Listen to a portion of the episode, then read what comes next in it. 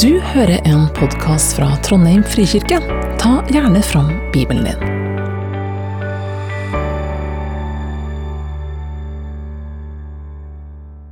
Jeg heter Lise og jeg er en av pastorene her. Det er godt å være her sammen med dere. Gratulerer til alle dere som er med i dåpsfølget og feirer Arvid denne helga. Jeg håper dere har det bra her.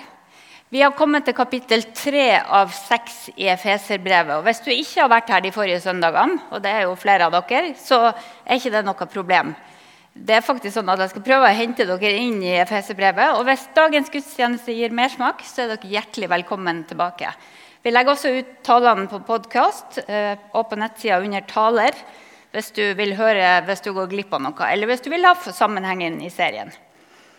Dagens tekst har to deler. En med overskrifta 'Paulus hedningenes apostel', som er tittelen her, og en med overskrifta 'Bønn om styrke og innsikt'. Og Paulus han starter kapitlet sånn som det her. Han begynner med 'derfor'. Derfor bøyer jeg mine knær. Og hvis du ser et 'derfor' i Bibelen, så må du se hva det er der for. Fikk dere med den? Altså Ser du et 'derfor', så må du sjekke hva er det der for. Og Her peker det tilbake på kapittel 2, som Ingebrigt snakka om sist søndag, om at Jesus rev ned muren mellom hedningene og jødene, sånn at alle mennesker hadde lik tilgang til Gud. Og husk at Hedninger i Bibelen det er ikke liksom, det er ikke det vi tenker på som hedninger i norsktale. Det er en samlebetegnelse for alle som ikke er jøder. Så hedningene det er alle de andre enn jødene. Så de fleste av oss er hedninger. Men poenget er at Jesus ved sin døde oppstandelse sørga for at alle mennesker skulle ha samme tilgang til Gud. Og det er godt nytt for efeserne, som han skriver til, for de var hedninger.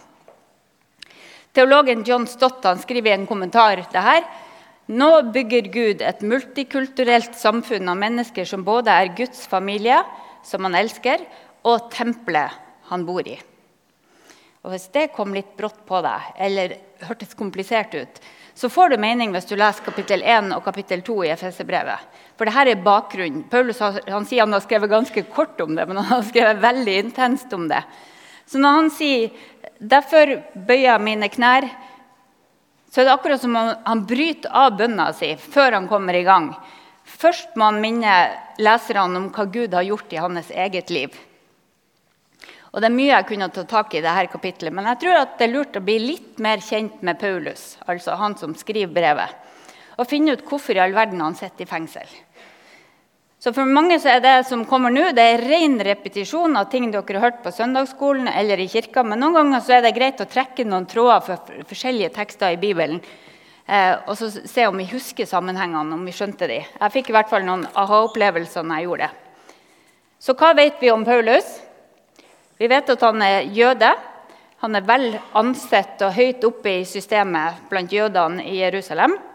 Han kom fra en by som heter Tarsus.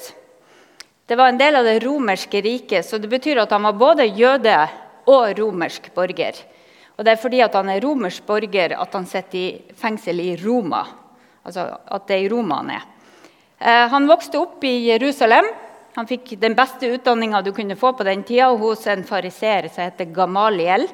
Det står at han satt ved hans føtter, og det betyr at han var studenten hans. Og Paulus sin første jobb etter studiene, da var han ca. 25 år, det er å forfølge og drepe folk som trodde at Jesus hadde stått opp fra de døde. Det er jobben hans. Første jobben. Han jaga og plaga folk og sørga for at de kom i fengsel. Noen ble piska til de fornekta Jesus og sa nei, nei, nei, jeg tror ikke likevel. Og andre ble drept fordi de nekta å si fra seg trua si. Og Paulus han var all in. Han var toppstudent, og han gjorde jobben sin godt. Han kjempa for fariserene og mot de som kalte seg for Veien. Det er navnet som var brukt på de kristne før de begynte å kalle seg kristne. Altså De sa at vi er en del av veien. Men dette var før Paulus sjøl møtte Jesus. Han opplevde en dramatisk omvendelse på vei til Damaskus da, han, da Jesus viste seg for ham i et syn eller i åpenbaring. Vi skal lese om det som skjedde på veien til Damaskus. Eh, for det er gjenfortalt mange ganger i Det, gamle, i det nye testamentet, bl.a. i boka som heter 'Apostlenes gjerninger'. For seks ganger havner Paulus for retten om å forsvare seg.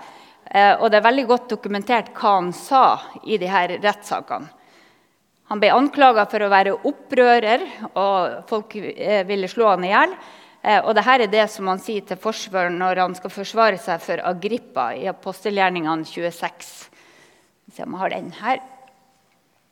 Han begynner med Da jeg drev med, på med det her og det her det peker tilbake på noen vers tidligere der han forteller at han hadde kasta folk i fengsel eh, hvis de snakka om Jesus. Han hadde forfulgt dem. Så da jeg drev, med på, eh, drev, med, eh, drev på med det her, så reiste jeg en gang til Damaskus med myndighet og fullmakt fra overprestene. Underveis, konge, så jeg midt på dagen et lys fra himmelen, klarere enn sola, stråle omkring meg og dem som var med meg. Vi falt alle til jorda og jeg hørte en stemme som sa til meg på hebraisk, 'Saul, Saul, hvorfor forfølger du meg?' Saul det er navnet på Paulus før han fikk navnet Paulus. Det er mange i Bibelen som skifter navn underveis. 'Saul, Saul, hvorfor forfølger du meg?' 'Det blir hardt for deg å stampe mot brodden.' Jeg spurte, 'Hvem er du, Herre?' Og Herren sa, 'Jeg er Jesus, han som du forfølger.' Men reis deg nå og stå på føttene, for jeg har vist meg for deg for å velge deg ut til tjener og til vitne, både om det du har sett, og det du siden skal se, når jeg berger deg fra ditt eget folk og fra hedningefolkene. Jeg sender deg til dem for å åpne øynene deres, så de vender om fra mørke til lys, fra Satans makt og til Gud. Ved trua på meg skal de få tilgivelse for syndene og arvelodd sammen med dem som er blitt hellige. Det var Jesus, nei, Paulus et oppdrag som han fikk av Jesus. Så Paulus han skifter side fra motstander til medarbeider for Jesus. Det må man kunne kalle ei helomvending hvis du ser noen sånne i Bibelen. Han får oppdrag som apostel, og apostel det betyr personlig eller offisiell representant. Så nå er Paulus, han som forfulgte de kristne, han er blitt offisiell representant for Jesus. Se hva han sier i vers 16 det som er merka i gult. Han skal være tjener og vitne både om det han har sett, og det han skal få se av Jesus. For dere som har lest Bibelen nøye, så vet dere at det var tre år fra dette synet til Paulus faktisk begynte å snakke om det han hadde opplevd. Så han fikk se mye i mellomtida. Og Sånn er det med Jesus. Vi får se noe med en gang, og så får vi se noe underveis. Og Paulus har mye mer i vente. Og så ser jeg vers 18. Det er jo tettpakka med mening. Når jeg leser sånne vers som er så tettpakka, så slår jeg ofte opp i andre bibeloversettelser. Og Denne gangen så har jeg slått opp i The Message, som er skrevet av Eugene Peterson på mer sånn moderne engelsk. Og Her kan vi lese det som han skriver. I'm sending you off altså Dette er Paulus et oppdrag. Jesus som snakker. I'm sending you off to open the eyes of the outsiders, so they can see the difference between dark and light and choose light see the difference between Satan and God and choose God. I'm sending you off to present my offer of sins forgiven and a place in the family, inviting them into the company of those who begin real living by believing in me. Syns det er fint sagt. Vi kan lage oss en liten kulepunktliste på norsk. Hva er det Jesus eh, får beskjed om? Jo, han skal sende han skal gå til de som er utafor, sånn at de kan se forskjellen på mørke og lys og velge lys framfor mørke. Velge Gud foran det onde. Få tilgivelse for synder, en plass i Guds familie. Og så starter det her nye livet i tru. Ikke alene, men sammen med de andre som har begynt å leve det livet sammen med Jesus ved tru. Det som han kaller 'real living'. Virkelig liv. Ingen kan si at dette er et lite oppdrag eller et enkelt oppdrag. Men Paulus gjør sånn som han gjorde før. Han går all in. Det er liksom 100 For nå skal alle slags mennesker få lov å møte Jesus. Alle skal få tilbud om tilgivelse for synd. Sånn som Paulus har opplevd det så sterkt i sitt eget liv. Har du drept noen og får møte Jesus og få tilgivelse, så vet du hva det handler om. Nå skal alle kunne få en plass i Guds familie. Jøder, hedninger, alle nasjoner, alle folk, alle eh, aldersgruppe. Alle kan få nytt og evig liv. I dagens tekst forklarer Paulus sitt eh, oppdrag med litt andre ord. Vi skal lese hva han sier vers 7 i Efeserne 3.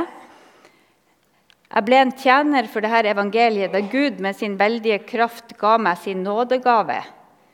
Jeg som er den minste av de hellige, har fått en nåde å forkynne det gode budskapet om Kristi ufattelige rikdom for folkeslagene og bringe Guds frelsesplan fram i lyset det mysteriet som fra evighet har vært skjult hos Gud, han som skapte alt. Ser du, Han kaller det for en nådegave å få lov å være tjener for Jesus. Det er en fin måte å tenke om tjenesten. Og Dette skal vi komme tilbake til om to uker. Og Så sier han at den, han er den minste av alle de hellige. og det er Noen som tror at det er falsk beskjedenhet, men vi tror det handler om at han Eh, han var den som sist fikk møte Jesus. De andre apostlene de hadde møtt Jesus mens han levde, mens Paulus får møte han i et syn etter oppstandelsen. Men møtet med den oppstandende Jesus forandrer absolutt alt for, for Paulus.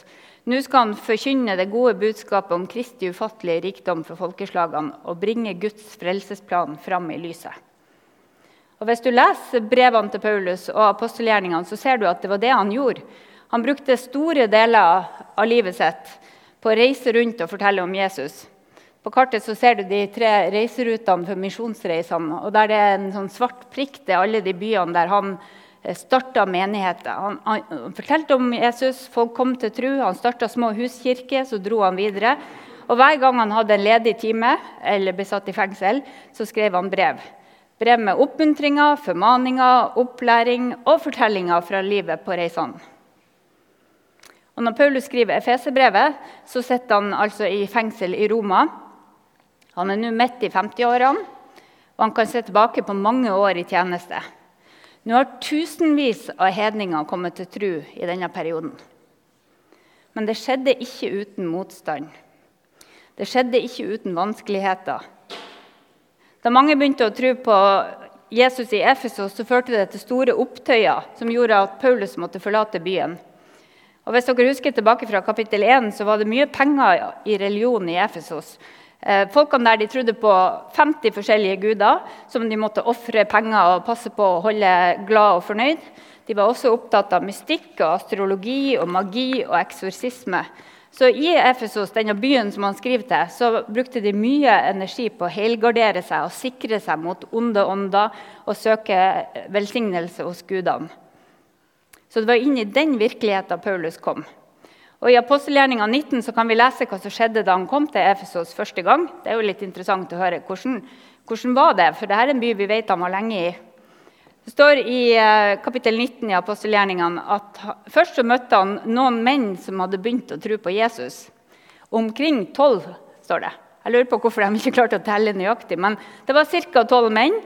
Eh, og Paulus spurte har dere fått Den hellige ånd, og det sier de at det har de ikke. Så han ba for dem, så fikk de det, og han døpte dem.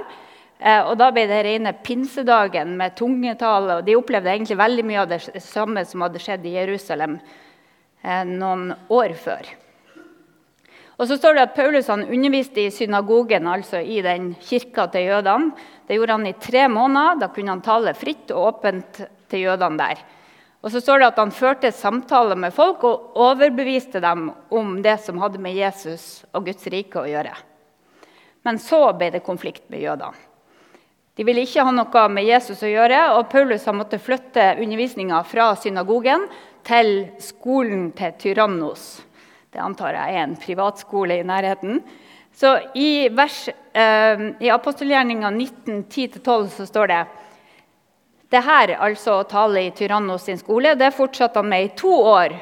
Og alle som bodde i Asia, fikk høre Herrens ord, både jøder og grekere. Det var ikke Asia fullt så stort på den tida, men tenk at alle som bodde der, fikk høre. Og så står det at Gud gjorde helt uvanlige under. Jeg Skulle tro at under var nok, men dette er helt uvanlige under eh, ved Paulus' hender. Det hendte til og med at folk tok tørklær og arbeidstøy som man hadde hatt på seg, og la på de syke. Da slapp sykdommen taket, og de onde åndene for ut av dem. Så Resultatet av disse uvanlige undrene og undervisninga var at mange kom til tro og begynte å bli med på veien. altså sammen med de som trodde på Jesus. Men det var veldig mange som ikke likte at dette skjedde. For når folk begynte å tro på Jesus som eneste frelser og herre, så gikk det utover businessen i tempelet.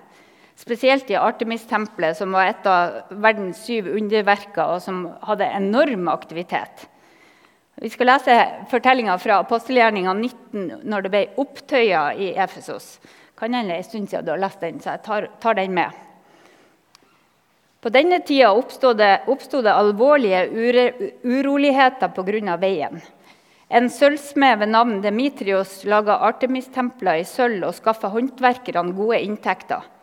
Han kalte sammen disse og arbeiderne som drev med lignende ting, og sa.: Godt folk, dere vet at vår velstand kommer fra dette arbeidet. Men nå ser og hører dere sjøl at ikke bare her i Efesos, men nesten over hele Asia så har denne Paulus overtalt og villeda store folkemasser når han sier at guder som er laga av menneskehender, ikke er guder. Det er fare for at yrket vårt får dårlige ord på seg. Verre er det at tempelet til vår store gudinne Artemis kan bli regna som lite og ingenting og hun som hele Asia og verden dyrker, kan miste sin høye rang og verdighet. De ble rasende da de hørte det, og satt i å rope 'Stor er Efesernes Artemis'. Uroen bredde seg over hele byen, og alle som en storma av sted til teatret og slepte med seg de to makedonerne Gaius og Aristarkos, som var i reisefølge til Paulus. Og Før vi leser, så må jeg vise dere bilder av det her teatret. For det her var ikke sånn lite Trøndelag teater. Her var det plass til 25 000 mennesker i de eh, trappene her. Så her storma det rasende folk, og så dro de med seg de her to stakkarene som var i følge til Paulus. Så står det videre at Paulus ville selv gå inn i folkemassen, men disiplene hindra han i det. Noen av provinsens høyeste embetsmenn som var hans venner, sendte også bud til han at han ikke måtte våge seg inn i teatret. Forsamlinga var nå i fullt opprør. De ropte og skreik i munnen på hverandre, og de fleste visste ikke engang hvorfor de var kommet sammen. Har dere vært i sånne sammenhenger noen gang? Jødene skjøv fram en mann som het Aleksander, og noen fra mengden forklarte saken for ham. Aleksander ga tegn med hånda om at han ville holde en forsvarstale til folket. Men da de skjønte at han var jøde, så skreik de alle i kor i to samfulle timer. Store Efesernes Artemis, store Efesernes Artemis. Her var kaos og massesuggesjon de luxe. Og så fortsetter historien med at byskriveren, som jeg antar var ordføreren, klarte å roe ned gemyttene og minne dem om at har du anklager, så kan vi ta dem for retten, eller vi kan snakke med guvernøren. Så tok de til vettet, og opptøyene roa seg. Men tenk dere for en situasjon det var for Paulus. Når du har alle mot deg, så er det ikke så lett å fortsette. Og De som fulgte Jesus, de risikerte ikke bare et dårlig rykte, sånn som vi gjør. De risikerte livet. Men opptøyene var ikke uventa. For Jesus var ikke godt nytt for de som levde av å lage, lage eller selge Artemis-templer i sølv. De som begynte å tro på Jesus og følge veien, de hadde ikke bruk for sånne ting lenger. Så det gikk hardt utover inntektene deres.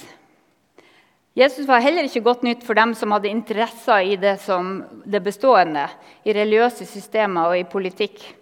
For trua på Jesus den forandra faktisk livet fullstendig. Det forandra prioriteringene deres, meningene, relasjonene. Folk som før hadde holdt seg langt unna hverandre, begynte nå å leve sammen.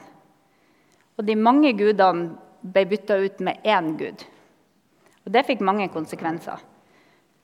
Og I tillegg så begynte de som eh, begynte å tro på Jesus, de begynte å fortelle det her videre. De fortalte det videre til alle som de levde lag med. Og Nå var det jo stor fare for at ikke bare alle de her ble kristen, men alle de som hørte på dem, ble kristen. Og tenk hva som da kunne skje.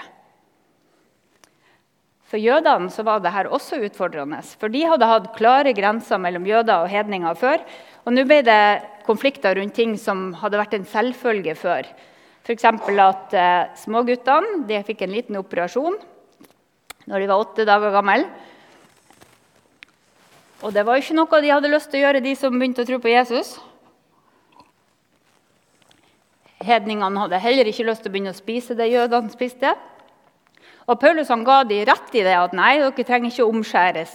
Dere trenger ikke å spise sånn og sånn. Det var ikke lett å forstå for jødene, for de hadde identiteten sin så tett knytta til det at de var jøder, og jødene følger loven. Så da er spørsmålet hvem er Jesus? Hvem var Jesus godt nytt for? Ja, hvem er Jesus godt nytt for? Jo, han er godt nytt for dem som er utafor. Han er godt nytt for alle som lengter etter et sted å høre til. For i Guds familie er det plass til alle. Jesus er også godt nytt for de som lengter etter noe mer. Alle som søker etter mening med livet, alle som trenger et oppdrag og en retning. Helge anbefalte denne filmen 'Jesus Revolution' for noen uker siden. og Den anbefaler jeg dere å se. fordi Der ser du hva som skjedde på 70-tallet, når en hel masse eh, gikk fra å feste og bruke narkotika til å søke Jesus. Og så sier de at vi fant det vi søkte, vi hadde bare leita på feil plass. Kanskje kan Jesus bruke oss til å fortelle om han. Jesus er også godt nytt for de som er fattige og syke, de fortvilte, de ensomme, de redde. For hos Jesus og i fellesskapet av dem som tror, så er det hjelp å få. For Gud er virksom i alle som tror, ved sin Hellige Ånd. Han bor i oss, og det betyr at Guds kjærlighet går gjennom oss, og så kan det virke gjennom enkeltpersoner og gjennom menigheter. Så sammen med Jesus så kan vi som menighet være med og lindre plager. Vi kan be for hverandre, og vi kan hjelpe hverandre til å leve bedre liv sammen. I Galaterne 5,22 så skriver Paulus at når vi lever med Gud sånn, så bærer vi frukt, altså åndens frukt, eller resultatet av Den hellige ånd er i oss. Det er kjærlighet, glede, fred, overbærenhet, vennlighet, godhet, trofasthet, ydmykhet og selvbeherskelse. Det er godt nytt for menneskene rundt oss. Hvis det får skje i oss fordi vi følger Han. Jesus er også godt nytt for de som trenger tilgivelse, de som har gjort ting de angrer på. For Paulus var det jo store ting, men det er ingen vits å sammenligne synd. For ingen mennesker lever opp til verken sine egne ideal og i hvert fall ikke Guds ideal. Så vi trenger alle nåde og tilgivelse. Så må jeg ta med denne også, at eh, Jesus er godt nytt for alle som tenker mer enn de føler. Jesus er godt nytt for de som tenker mer enn de føler. For Jesu liv og død er veldig godt dokumentert, så det går an for alle å ta stilling til om han levde og om han døde. Han er en historisk person som ingen benekter har levd. Vi vet hvor det skjedde, og omtrent når det skjedde. Ja, Tidsregninga vår er styrt etter det. Og etter at han eh, var død, så var det mange som hevda at de hadde sett han. De hevda at de hadde møtt han ansikt til ansikt etter oppstandelsen. Og dette var mennesker som var villige til å bli kasta i fengsel, piska og drept. Og fortsatt holde fast på at jo, vi har sett han. Til og med Jakob, bror til Jesus, trodde at Jesus var Guds sønn, og at han hadde stått opp igjen. Hva skal til for at bror din tror at du har stått opp fra de døde? Jeg tror at Jesus er godt nytt for alle mennesker. De er det for småbarn som Arvid, som får starte livet sitt med Jesus fra de er bitte små. Og han er det for absolutt alle andre mennesker. Enten du møter han tidlig eller sent. Paulus skriver i Efeserne 3,12.: I ham har vi frimodighet, og i trua på Han kan vi komme fram for Gud med tillit. Og Det gjelder alle, også de som ikke helt vet hva de tror på, men som velger å ta en sjanse på Jesus. Og Det jeg har snakka om nå, det er bakteppet for denne bønna som starter i vers 14. Den vi har bedt til avslutning på alle gudstjenestene i høst.